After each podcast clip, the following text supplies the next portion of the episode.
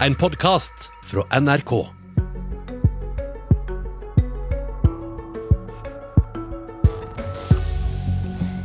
Tiden renner ut for å redde kloden. FNs klimapanel varsler villere, våtere og varmere vær.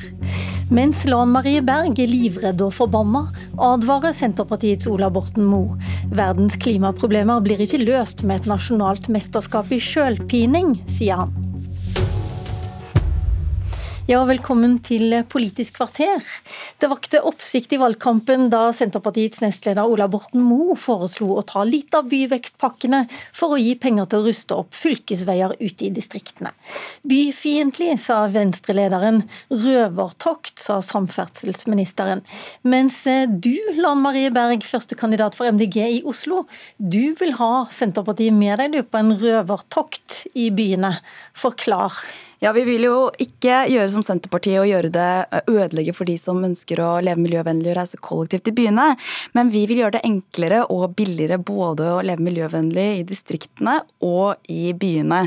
Og vår, Vårt forslag til Senterpartiet, som jeg håper at de har lyst til å være med på, det er nettopp å skrote flere av de unødvendige, forurensende og rådyre motorveiene som er planlagt inn til flere av våre byer, og heller da bruke penger pengene på å få mer penger til kollektivtransport i byene, og mer penger til elbilladere, til fylkesveiene og til rassikring i distriktene, sånn at det blir eh, både enkelt å leve miljøvennlig byen og, i byen og i distriktene.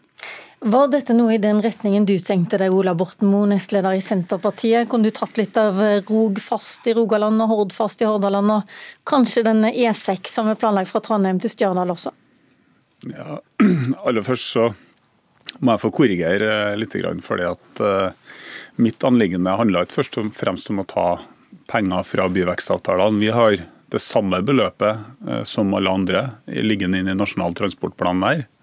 Men det var bedre kostnadskontroll, fordi at min opplevelse er at her sitter pengene løst, og det er til dels ekstravagant pengebruk. Og Det å ha bedre kostnadskontroll på hvordan vi utnytter store offentlige ressurser er kjempeviktig.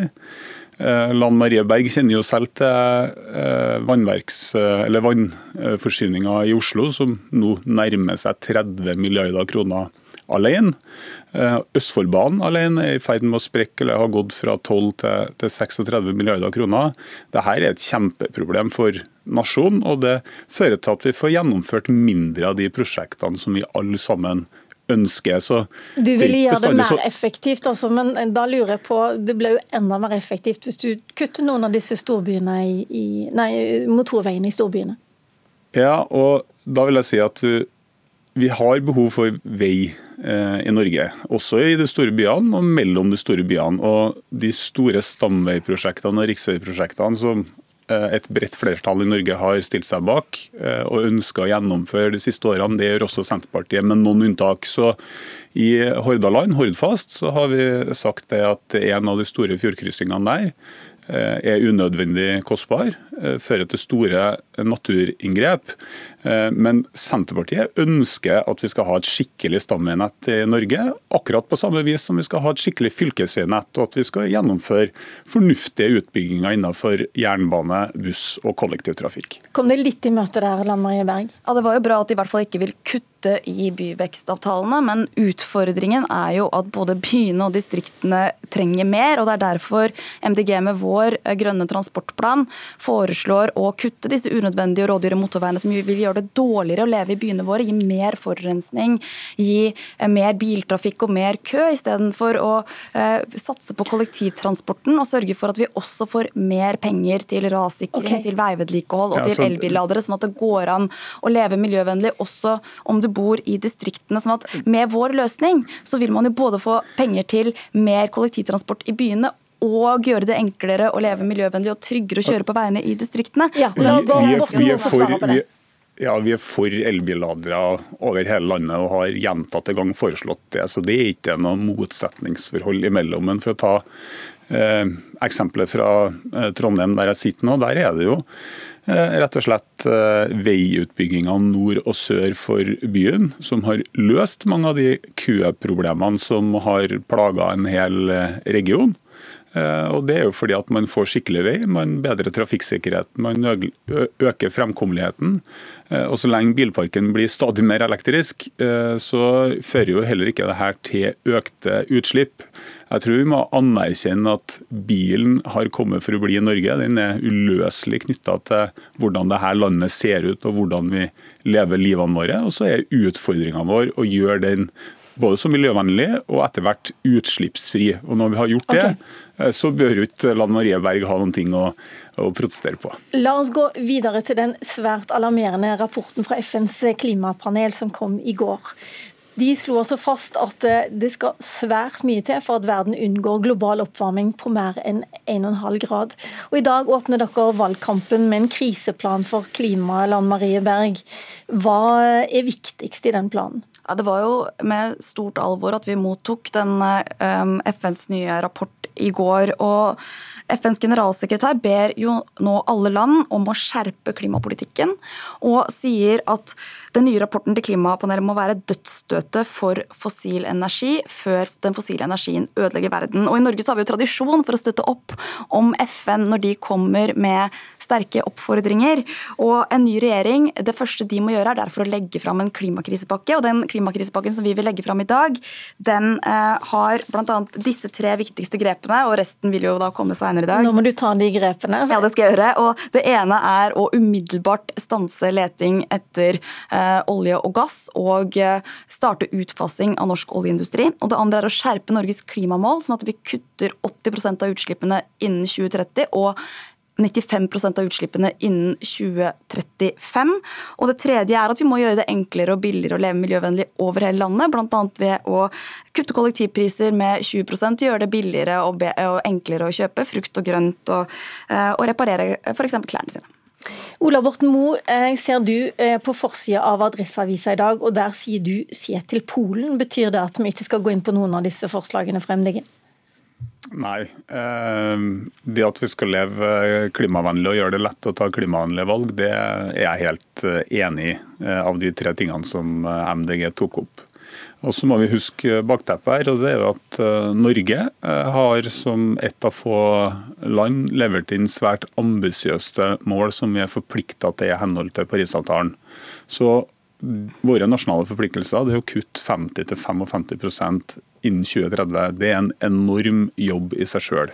Og da lurer jeg på hvordan skal dere klare det? Jo, jo, men før vi kommer dit, så er det verdt å legge merke til at de største utslipperne i verden ikke har levert inn eh, noen forpliktelser i henhold til Parisavtalen. Så Kina, som økte utslippene sine med 2 milliarder tonn, altså 40 ganger, nei, ja, 40 ganger Norges samla utslipp i økning på ett år, fra i fjor til i år.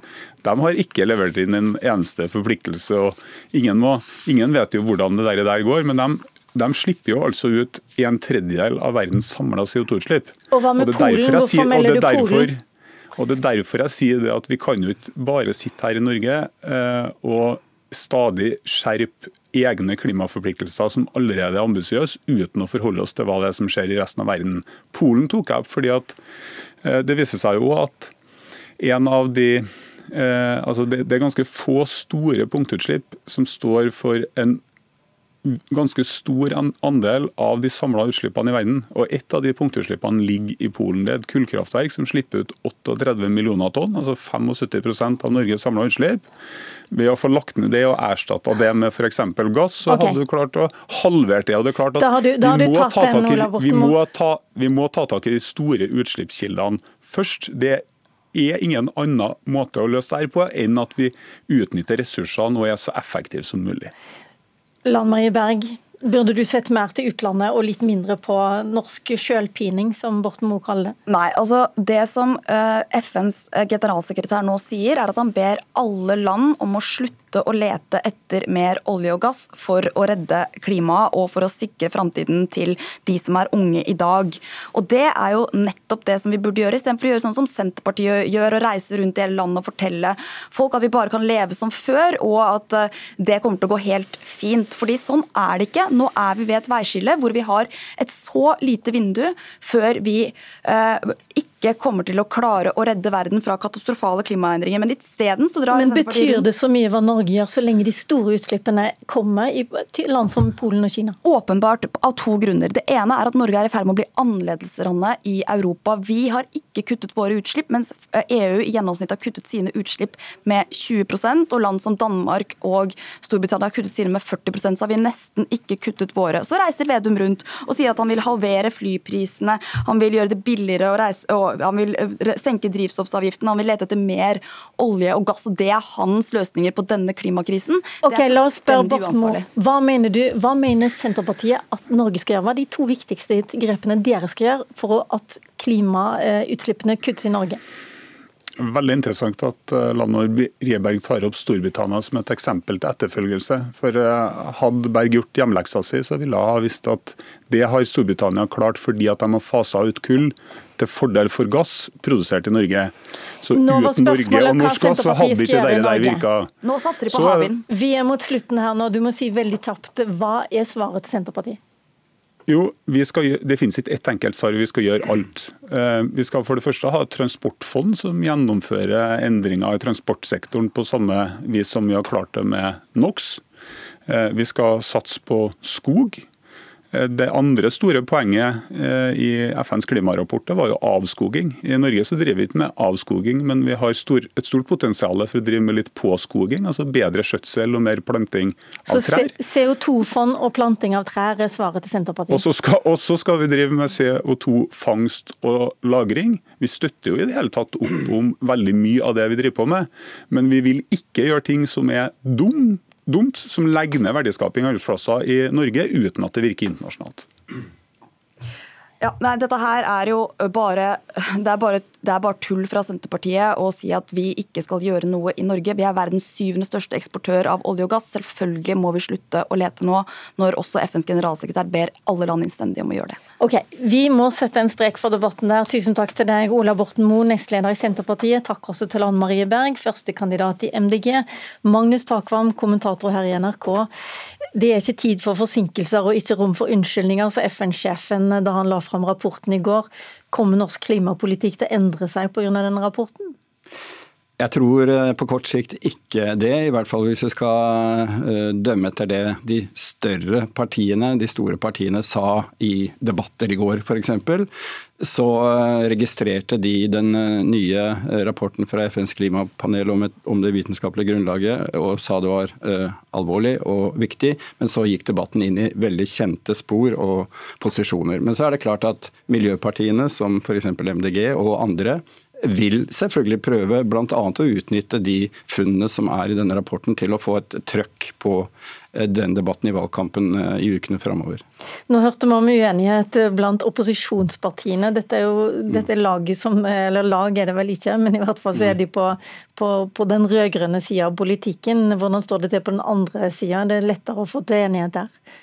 Altså, det vi registrerte i går og i dag, er jo at regjeringen og Erna Solberg sa jo eh, som svar på spørsmålet om hva denne klimarapporten betyr, at regjeringen har levert en eh, klimamelding som Stortinget har diskutert, som svarer på utfordringene. Så politikken er på en måte, sett fra regjeringens side, lagt.